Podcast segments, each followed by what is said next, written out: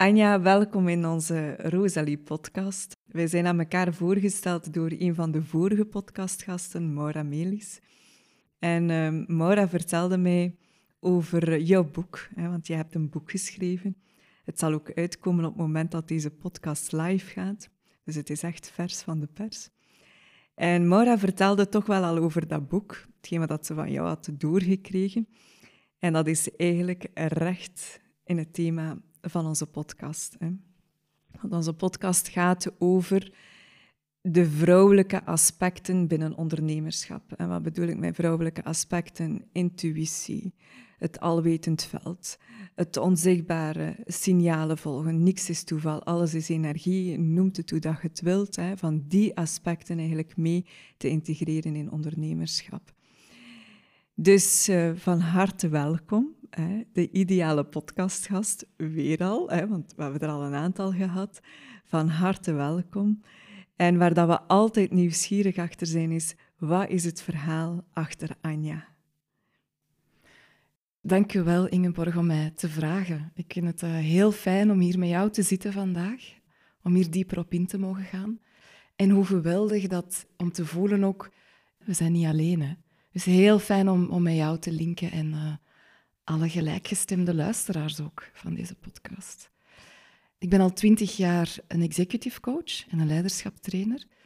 En mijn verhaal begon eigenlijk al heel jong. Je hoort wel eens mensen zeggen van op een bepaalde leeftijd werd ik wakker of ontdekte ik dat er meer was. Maar ik ben eigenlijk zo geboren. Op heel jonge leeftijd had ik al het gevoel, ik denk dat ik vijf, zes jaar was, ik ben hier al eerder geweest. En waar zijn we eigenlijk mee bezig? In het leven. Dit, dit klopt toch niet hoe wij het doen of zo. Maar dat werd natuurlijk niet in dank op, uh, afgenomen op school.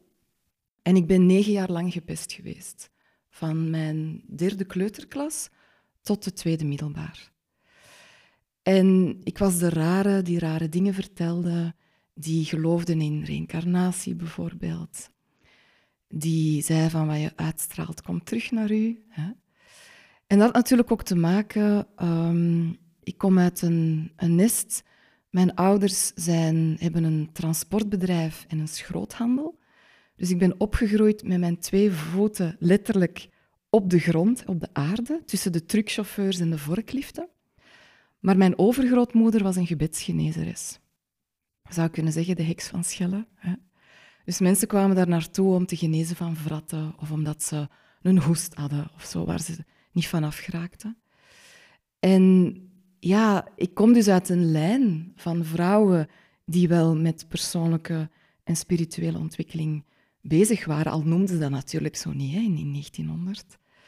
Maar ik heb dat dus doorgekregen en mijn andere grootmoeder, die was zeer, zeer gelovig, zeer creatief, ook zeer spiritueel, maar zij kon dat niet goed handelen. Dus zij had uh, schizofrenie en godsdienstwanen.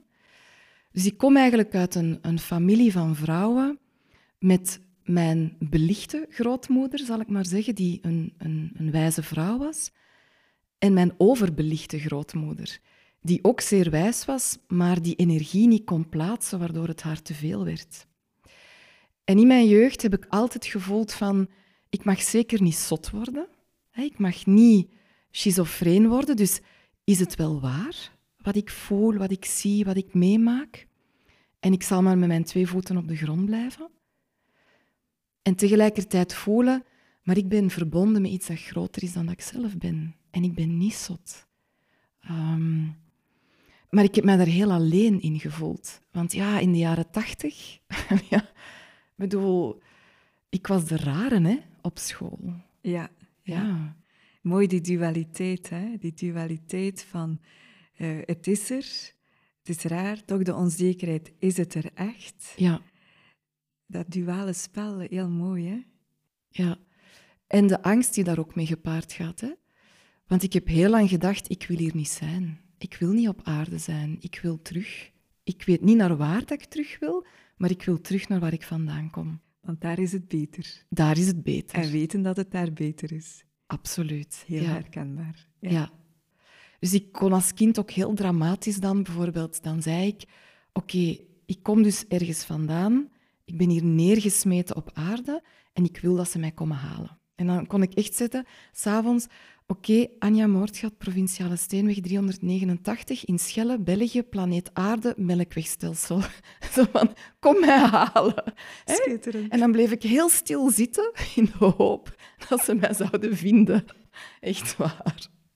Ik wou zo graag terug naar huis. En nu denk ik, hoe schattig eigenlijk. Maar later dacht ik, ah ja, maar dat is eigenlijk gronden. Dat is eigenlijk, in grondingsoefeningen zeg je ook vaak, hè, ik ben hier en nu. En soms uw adres, uw woonplaats. Dus eigenlijk deed ik onbewust grondingsoefeningen. en wat mij ook wel geholpen heeft, is op een bepaald moment... Ik ben heel veel geslagen, niet door mijn ouders. Ik, kom uit een, een warm nest, maar wel uh, op de speelplaats. Hè. En um, ja, wat er dan altijd gebeurde, was ik, ik, ik werd dan in elkaar geslagen door een, groepje van jongens. En ik ging dan in foetushouding liggen om mij af te schermen. En een deel van mij verdween. Hè. Dacht ik, ik wil hier gewoon niet zijn. En op een van die momenten is er iets gebeurd dat ik nooit zal vergeten. En dat sindsdien bij mij is gebleven. En ik lag op de speelplaats, ik was stampen aan het incasseren. En ik voelde mij zo bang en, en zo zo alleen. En um, op dat moment verscheen er een figuur.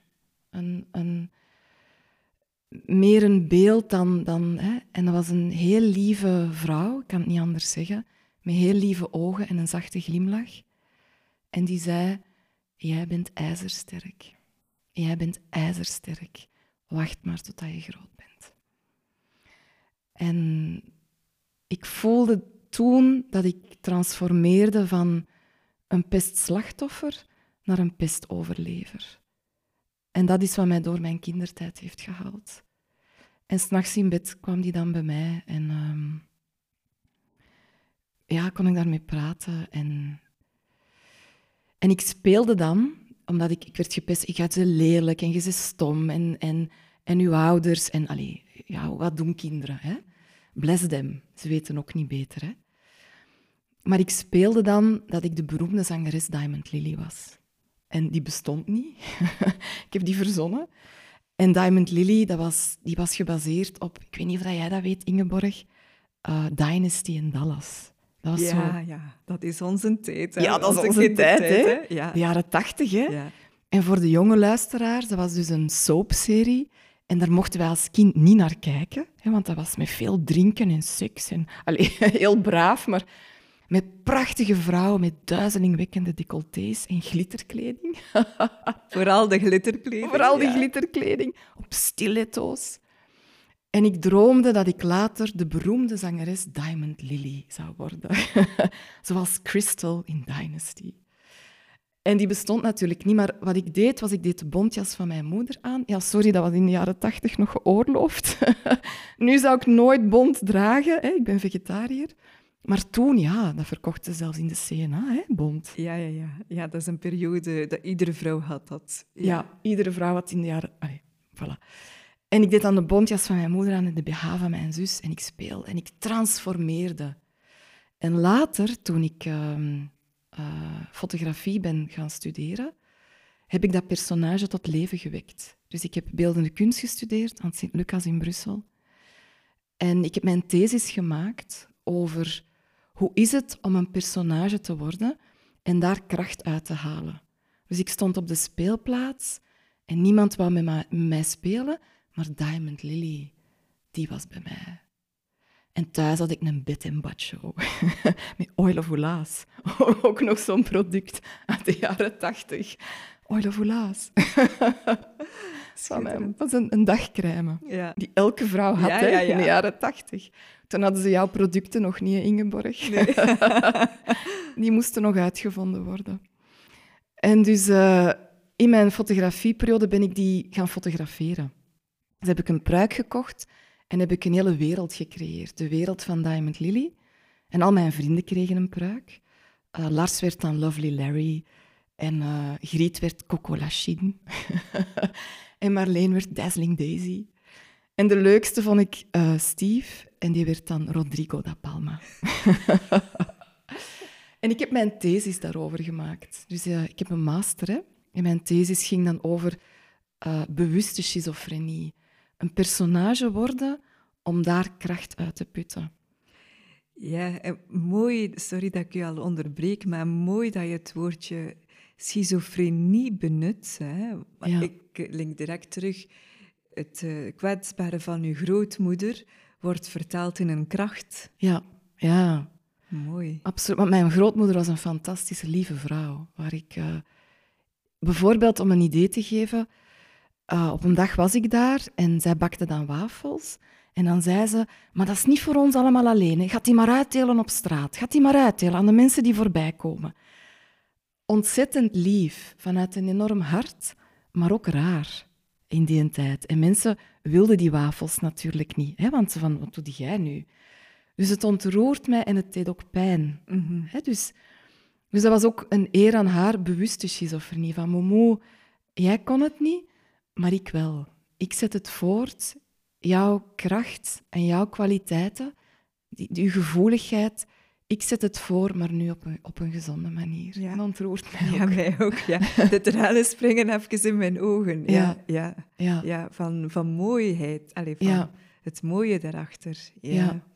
En ik denk dat heel veel mensen in, in de geestelijke gezondheidszorg ook verkeerd begrepen worden. Mhm. Vanuit een grote, grote gevoeligheid. Mm U niet kunnen handelen in de toch wel soms keiharde wereld. Mhm. Ehm, ja, dus Diamond Lily gaf mij de kracht. En, ehm, en later ontdekte ik dan dat dus Diamond Lily een archetype was. En daar gaat mijn boek over, het archetype van Aphrodite. En Aphrodite is de godin van de schoonheid, de liefde en de sensualiteit. En de creativiteit.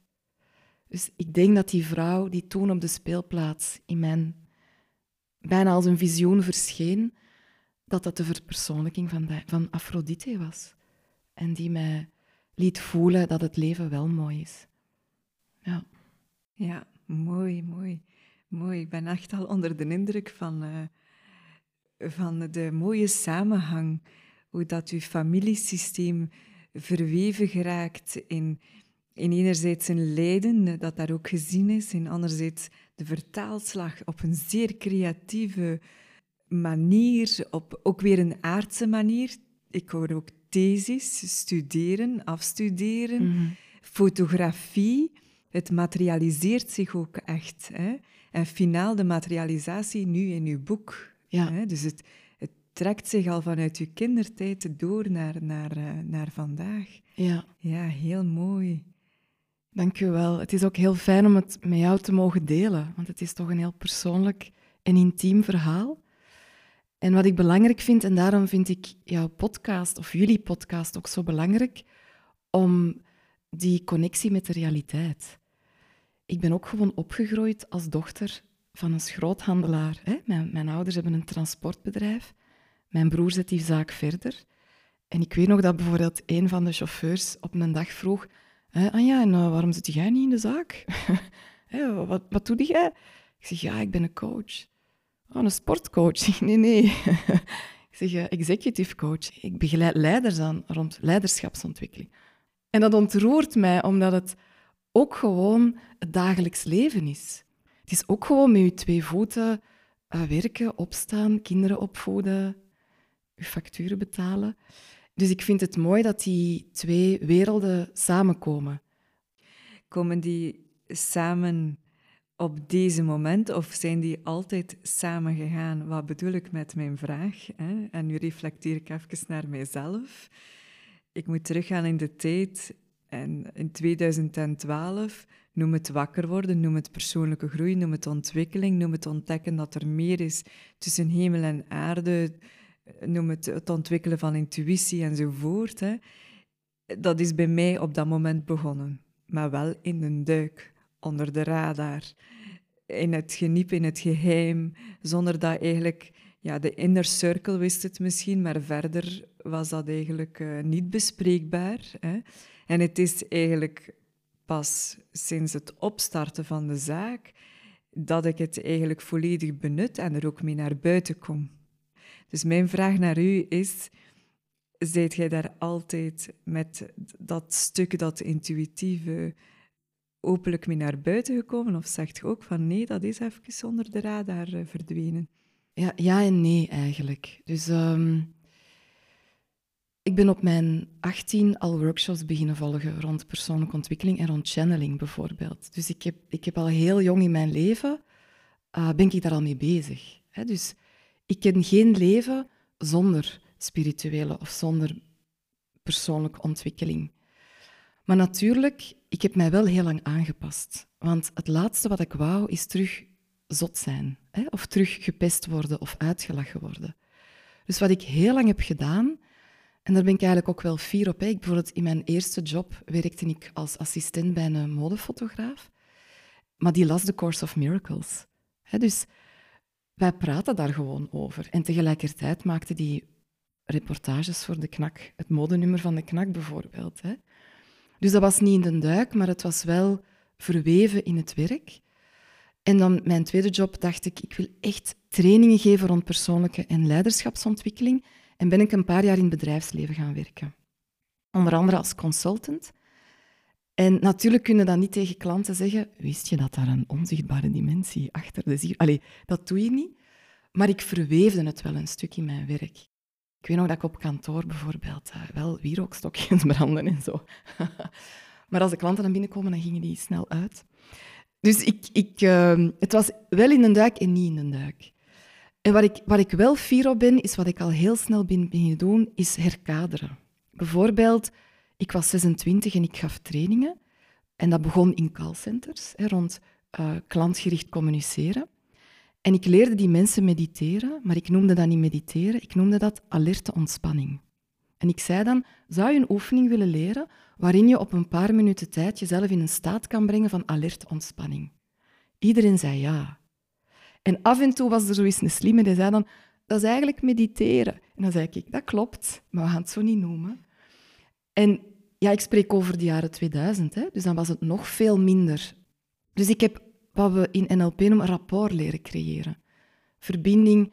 En ik heb mezelf heel lang als een paard van Troje beschouwd. Ik zag eruit als een consultant, ik kleedde mij als een consultant, met maatpak en al. Hè, mijn chique leren boektas. Ja, nu is dat niet meer, maar toen. Maar ik kwam binnen, de deur ging dicht en ik leerde die mensen mediteren. En ik zorgde er ook altijd wel voor, als de klant mij vroeg toen, hè, ik spreek over 2004, klantgericht communiceren, op het einde van de dag konden ze ook echt beter klantgericht communiceren. Het ging niet alleen over alert ontspanning. En gaandeweg ben ik daar meer en meer voor beginnen uitkomen. En sinds uh, eh, 2000 zes geef ik alleen nog leiderschapstrainingen en daar kun je veel verder gaan. En nu ben ik zeer dankbaar dat mensen in. Ik, ik werk vooral in de corporate wereld, hè, de grote bedrijven en de grote KMO's. En ik begeleid executives en leiders en CEO's. En die komen er nu wel veel meer vooruit. Ja. Nu, als ik het vertel, ik stond op de speelplaats en ik zag een godin. I don't know. Hè? Misschien is dat toch nog spannend. Maar ik zeg altijd, je kunt het ook als een metafoor zien. Mhm. dus ik zal nooit gaan overtuigen. Iedereen mag geloven wat hij wil en mijn waarheid is ook maar alleen mijn beleving. Hè? Ik claim hier niet dat ik hier de waarheid in pacht heb. Maar ik weet wel dat ik ehm, een kracht heb die, wat er ook gebeurt in mijn leven, die mij nooit onderuit haalt. Wat er ook gebeurt, ik heb van alles meegemaakt. Ik plooi altijd terug op het deel in mij dat groter is dan ik zelf ben en tegelijkertijd ben ik het zelf. Ja. Wat dat mij ook intrigeert, Anja, is dan op een bepaald moment beslist je van een boek te schrijven. Ja. Wat is daar de drijfveer om daartoe te komen dat je zegt, oké, ik ga het toch wel vormgeven in een boek? Ja. Ik ontdekte na mijn thesis dat er dus iets ontstaat zoals werken met delen. En ik was toen 26 of zo. En dan hoorde ik over NLP, werken met delen. Later hoorde ik over voice dialogue. Dus ik dacht, wow, wat ik dus al heel mijn leven spontaan doe, daar kun je leren. Dat kun je ook andere mensen aanleren. Dat is blijkbaar iets heel normaal om te doen. En daar put je zo'n kracht uit. Dus ik ben heel veel beginnen lezen. En dan ben ik in 1994 met Jean Shinoda Bolen, haar werk, in contact gekomen. En die heeft het boek geschreven Godinnen in elke vrouw en goden in elke man. En dat boek is gebaseerd op het werk van Jung. Jean Chinot Dabol is ook een psychiater. Waarin dus de archetypische goden en godinnen beschreven worden als middel om kracht uit te halen en om uit te leren. En dat boek heeft mij zo geraakt en dan ben ik daar workshops rond beginnen geven. Rond, ik noem dat dan mythologische powervrouwen. En dat was in 2014, denk ik, is dat begonnen. Maar ik had nooit gedacht om daar een boek over te schrijven, want ik dacht, daar is al een boek over. waarom zou ik daar dan... Maar dan is corona gekomen. En uh, mijn eerste idee voor een boek was, ik wilde... Ik heb door, door mijn pestgeschiedenis um, ook heel lang naar huis gewild. Hè? Wat, wat we het daar in het begin over hadden. Huis, ik wist dan niet wat dat was, maar ik wist wel dat dat de wereld was waar ik vandaan kwam. En dat leidde tot zelfmoordgedachten. Ik wou gewoon niet hier zijn. En um, wat mij hielp, was dan connecteren met mijn innerlijke godin. En mijn eerste idee was om een, een poëtisch dagboekje uit te brengen met foto's en teksten die u elke keer naar huis brengen. Die u, en die je dan kunt lezen voor je gaat slapen, waardoor je de hele nacht kan marineren in liefde. Dus, en dat noemde EHBE Eerste Hullen bij Eenzaamheid. dat was een poëtisch troostboekje. Dat boek is er nooit gekomen. We zijn ook niet meer zo eenzaam. Nee, voilà. Dus dat, met dat idee liep ik rond. Ik had er dan al teksten over en zo. Maar dan kwam corona. En ik hoorde, dus in de lockdown, hoorde ik mensen zeggen: eindelijk, eindelijk heb ik rust. En eindelijk doen we een stap achteruit en komt de wereld tot stilstand en durven meer onszelf zijn. En ik dacht, ja, maar wacht eens even, mensen. Dit is gewoon de vrouwelijke energie waarvan wij, coaches en trainers, al 20, 30 jaar hopen dat die meer in de maatschappij gaat komen. En ineens wordt het voor de wereld duidelijk dat die nodig is. En toen dacht ik, ja, maar dat zijn eigenlijk gewoon de godinnen. En dan heb ik een webinar ontwikkeld in de lockdown van de human doing naar de human being. Dus van Athena naar Aphrodite. En dat is zo goed ontvangen dat ik dacht, maar hier moet mijn boek over gaan. Dat moet niet gaan over eenzaamheid. Dat moet gaan over de Griekse godinnen en hoe die ons kracht geven en hoe die ons begeleiden om het nieuwe bewustzijn dat in de lockdown massaal is wakker geworden, om dat mee in de wereld te zetten. En hoe zou je, je zegt dat nieuwe bewustzijn, dat vrouwelijke, jij koppelt daar de godinnen aan, maar als je dat nog verder dieper vertaalt naar hoe, hoe uitzicht dat dan in de wereld? Of hoe ziet jij dat uiten? Kunt je daar uh, dieper op ingaan? Ja, absoluut. Dus de titel van mijn boek is een provocatie. Die heet Het nieuwe lijden is vrouwelijk. En dat gaat er juist over, we hebben niet zoiets als een mannelijk of een vrouwelijk brein. Ieder mens, man en vrouw, heeft masculine en feminine kwaliteiten in zich. Dus mijn boek is ook voor mannen, en is ook voor vrouwen met heel veel mannelijke energie, zoals ik er zelf in ben. Waarom, waarom noem ik dat dan het nieuwe lijden is vrouwelijk? Omdat het vrouwelijke wel is ondergesneeuwd. Gelukkig steeds minder en minder, maar nog steeds is er iets over, zeker in het bedrijfsleven, want het is een boek over leiderschap, is er iets van de daadkracht, het gericht zijn op groei, op cijfers, op winstmaximalisatie, is nuttig en nodig. Laat ons dat alsjeblieft behouden. Maar laat ons daar de vrouwelijke kwaliteiten aan toevoegen. En wat zijn dan die vrouwelijke kwaliteiten? Van het doen naar het zijn. Bijvoorbeeld, uh, hoe zeg je dat? Hè? Je hebt de yin en de yang. Je hebt intuïtie, je buikgevoel. Een man, masculine kwaliteit is vaak, ja, ik noem dat de metafoor van het, van het menselijk lichaam zelf. Hè? Een man heeft teelballen en sperma en een penis en dat zaad wil eruit. Dat wil de wereld in daadkracht gaan. De man heeft een missie. En het vrouwelijke heeft een baarmoeder. En die baarmoeder die wil gevuld worden en die zegt hier. En door dat gevuld komt, ontstaat er iets nieuws. Ik hoop dat dat nu niet te plastisch is. Het is heel mooi omschreven, ja. Ik vind het heel mooi omschreven. Heel duidelijk. En die twee zijn nodig. Je hebt het zaad nodig dat de wereld ingaat, maar je hebt ook iemand nodig die het omhult, die het voedt, waardoor er iets nieuw kan geboren worden. En ja, ook vrouwen die geboren worden zonder baarmoeder, of mensen die zich non-binair voelen of transgender. Het heeft niet zozeer met biologisch geslacht te maken, maar hoe voel ik mij eerder mannelijk of eerder vrouwelijk of een mix. Dus, maar als we puur naar de biologie kijken, is dat eigenlijk het puur vrouwelijke en het puur mannelijke. Ik vertel dit vanuit het grootste respect voor alle genders. Ja, ja. Maar dat is wel het, waar de, de, het mannelijke en het vrouwelijke voor staat. En we hebben ze in ons. En in onze maatschappij nu is het vrouwelijke, toch in het zakenleven, toch nog steeds een stukje ondergesneeuwd. Wordt het snel soft? En dat is nu net waar ik met mijn boek voor pleit. Het vrouwelijk is niet soft. Het is zacht, maar het is ook krachtig. Want ik kan u ook zeggen, als je, ik heb twee kinderen gebaard zonder verdoving. Als je zo'n kokosnoot uit je vagina moet persen, daar heb je serieus wat kracht voor nodig. Dus voor mij is het vrouwelijke niet soft. Ik hoop dat ik nu ook niet weer te plastisch ben.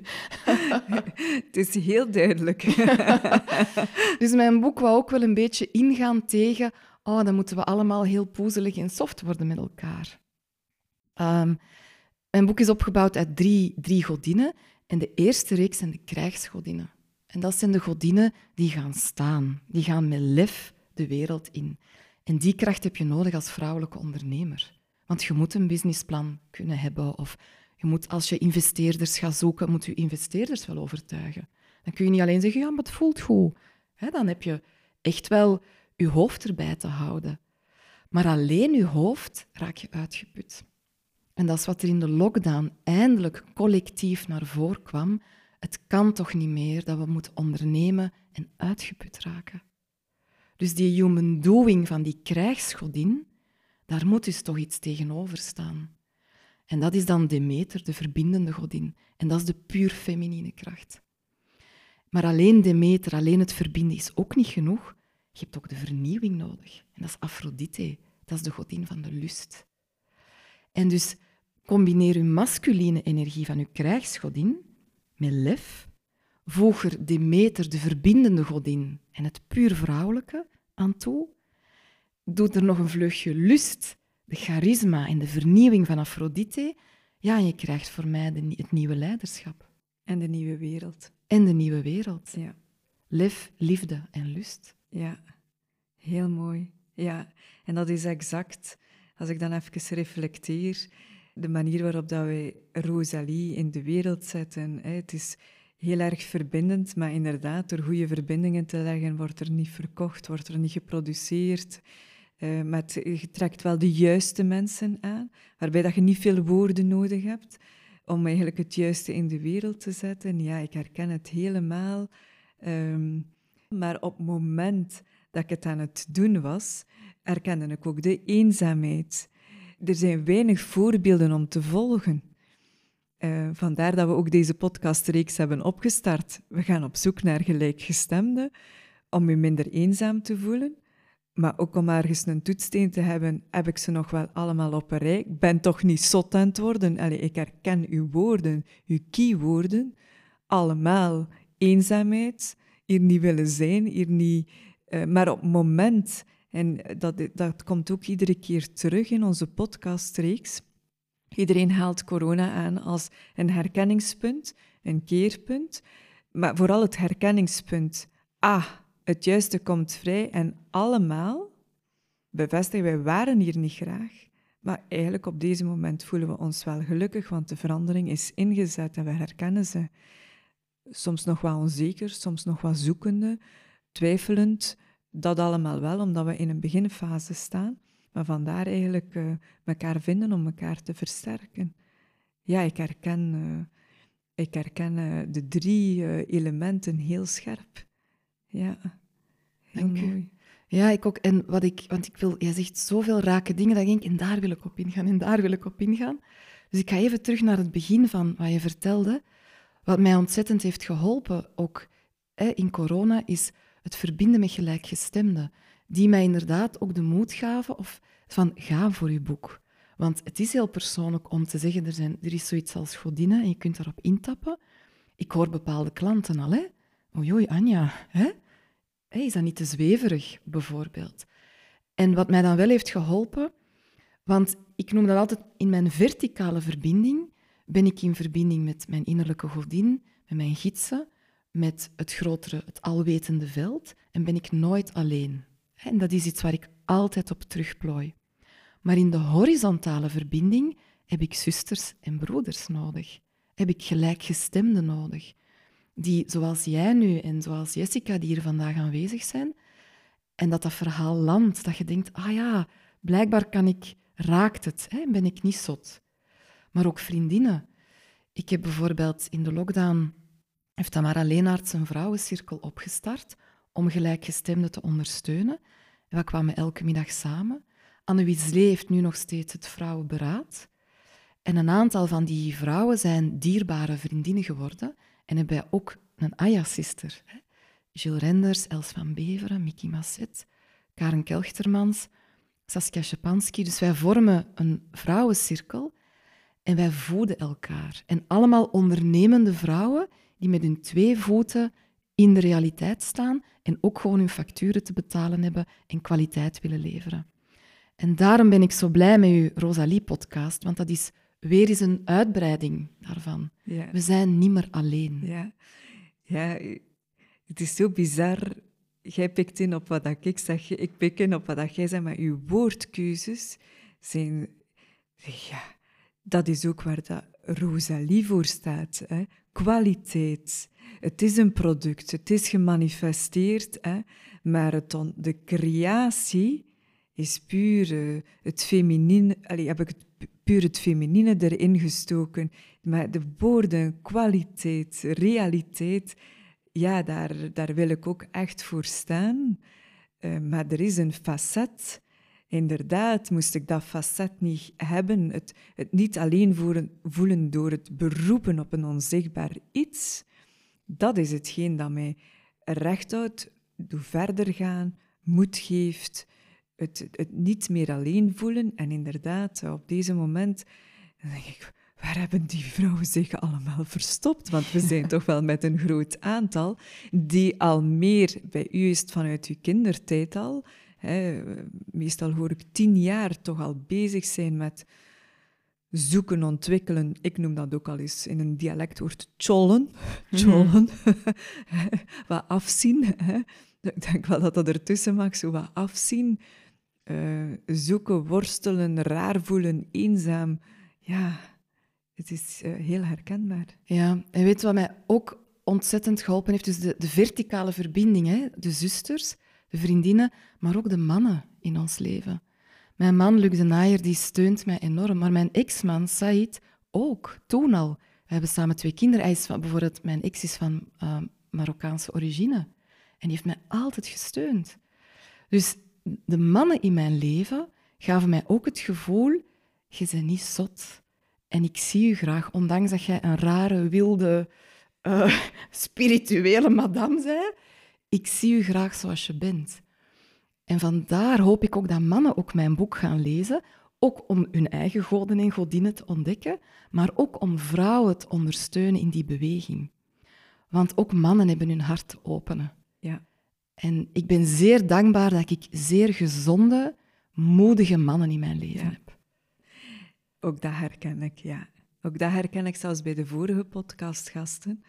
Maar ook bij mijzelf. Eh, ik heb ook een man, ik zou het ook niet zonder kunnen, die daar voor open Niet in de diepte altijd meegaat, maar wel die, die ehm, blij is met zo'n vrouw. Ik denk niet... Ik klaagt er wel eens over. Ja, want dus je ziet dat je niet zot terugkomt. ja.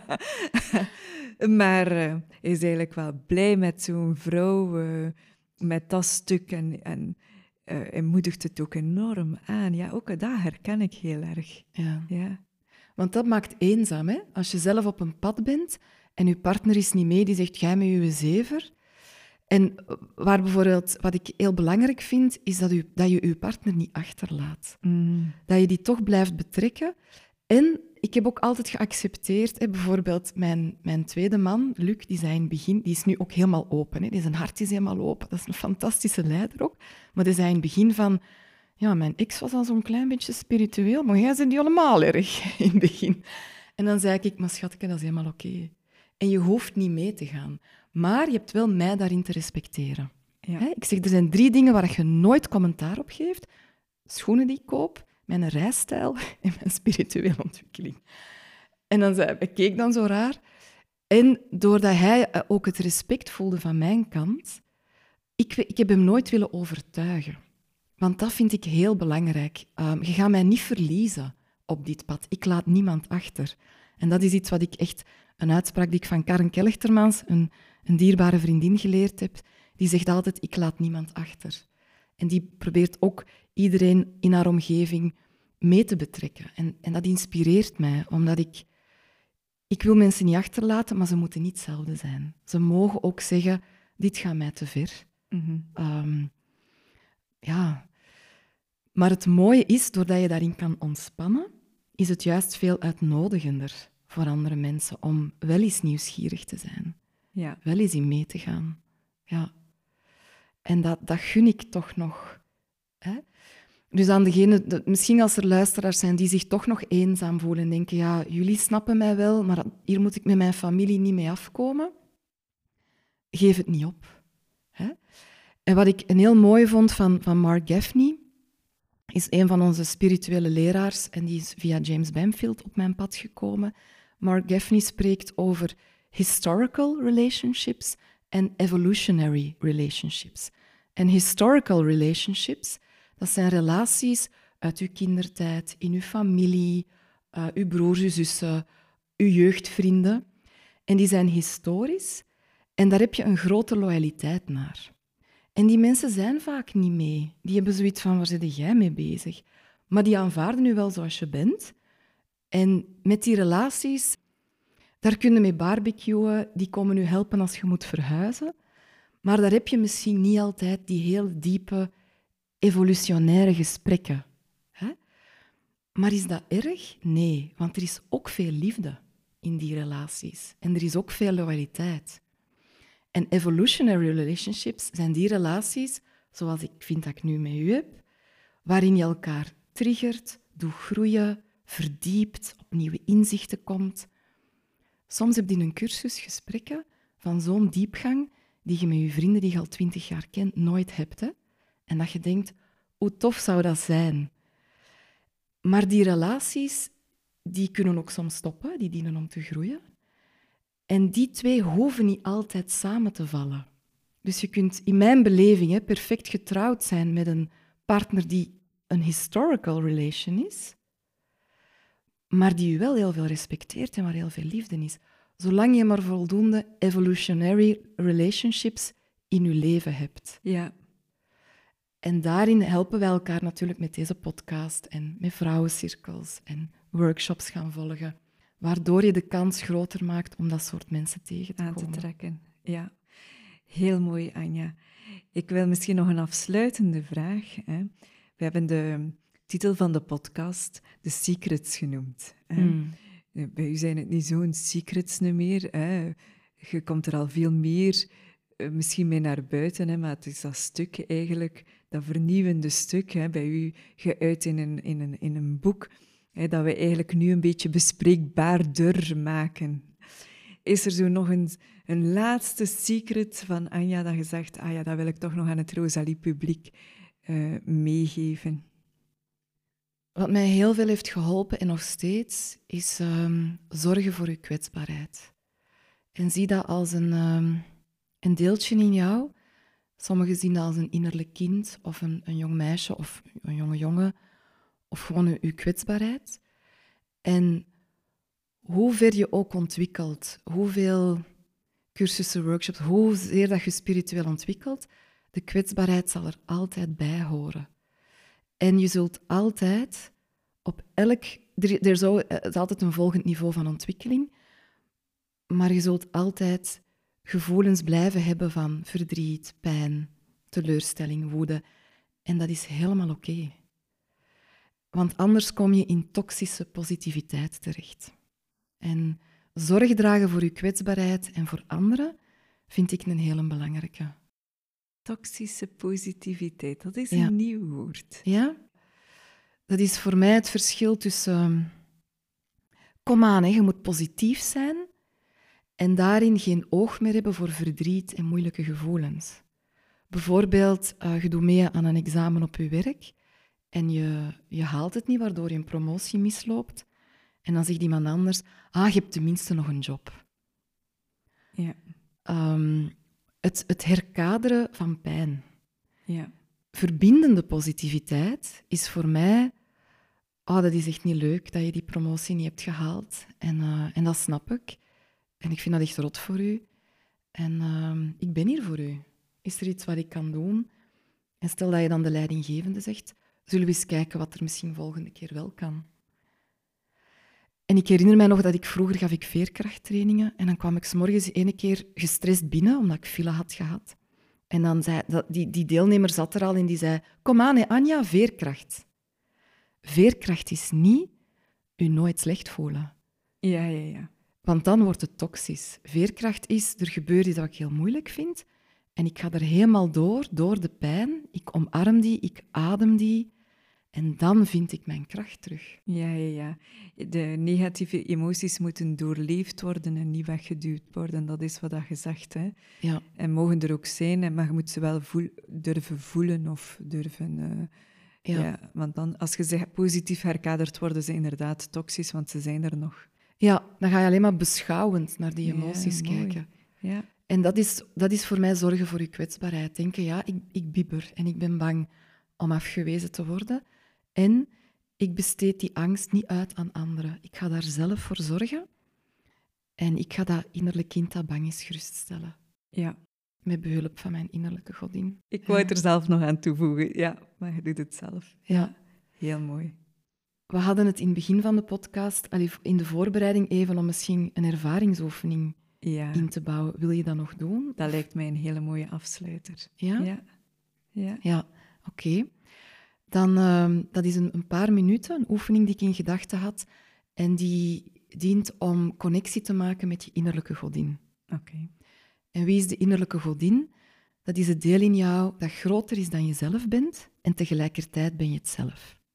En sommigen noemen dat hun hoger zelf, hun ziel, ehm uw ware zelf, eh uw daimon. Je kunt dat eender welk woord geven, De bron.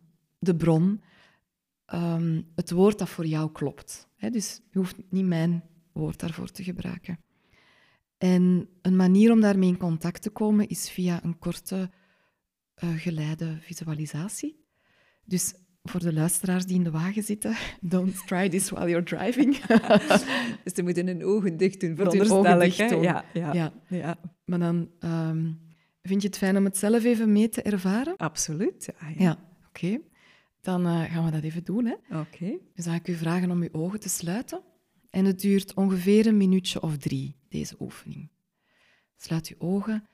En eerste stap is dat je even rustig drie keer in- en uitademt. En ik ga ook even meedoen. Ademen gewoon rustig drie keer in en uit.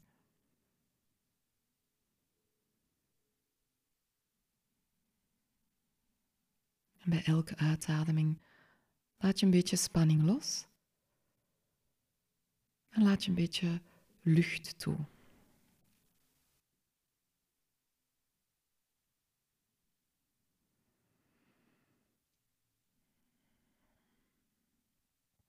En vervolgens wil ik je uitnodigen om in gedachten een tafel te zien.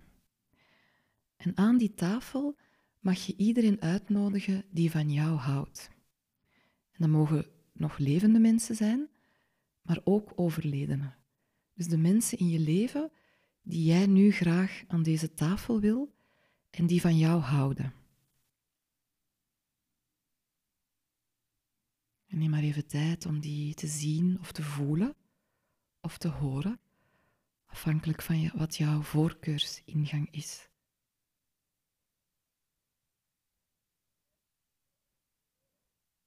En kijk eens naar die mensen.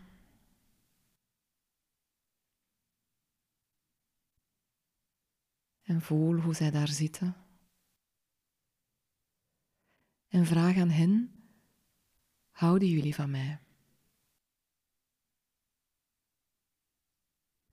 En luister naar het antwoord.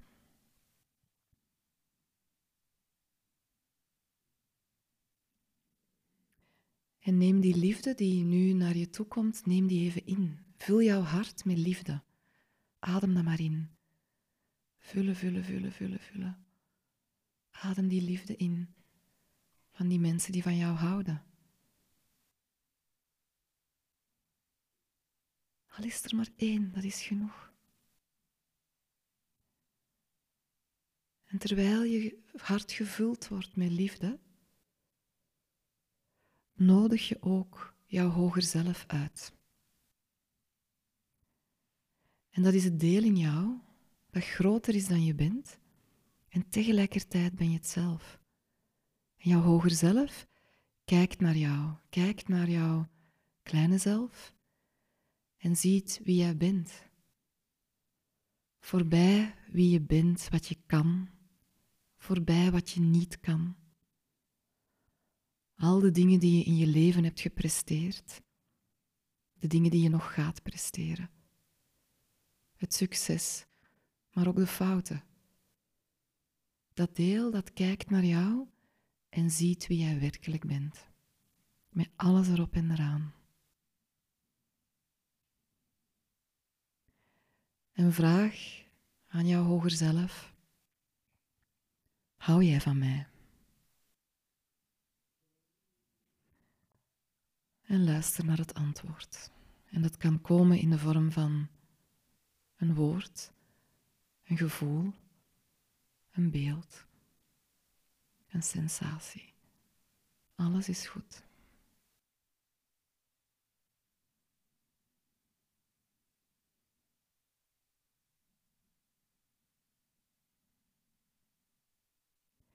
En nu nodig je jouw hoger zelf uit om mee aan tafel te zitten.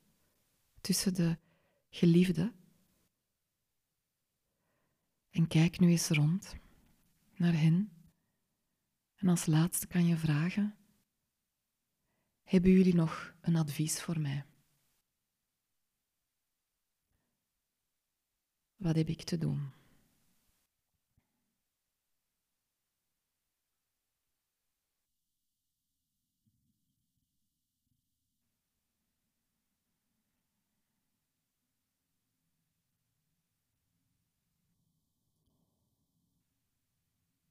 En als het goed is, dan open je je ogen en breng jezelf terug in het hier en nu, in jouw prestatiebewustzijn.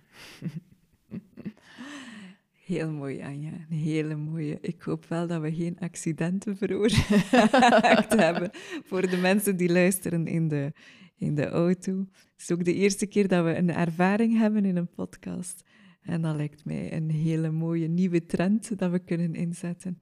Dank u wel voor deze hele, hele waardevolle podcast. Ik hoop dat je ervan genoten hebt. Ik heb ervan genoten. Ik vind het heerlijk om met jou te praten. Dus dank u wel om mij te vragen. En ehm, ja, dat was echt een ontmoeting vanuit het hart. En de ziel. En de ziel. Dankjewel Anja en ook dankjewel aan de Rosalie-luisteraars. Ik hoop dat jullie er evenveel van genoten hebben als wij. Moesten er nog vragen zijn voor Anja, voor ons, stel ze gerust. Mag publiek, mag ook achter de schermen. We zijn meer gewoon van de vragen te krijgen achter de schermen. We zien wel hoe dat we erop terugkomen, op welke manier. En moest je meer informatie willen, ga altijd eens kijken op onze website www.rosalie.be. Dank je wel.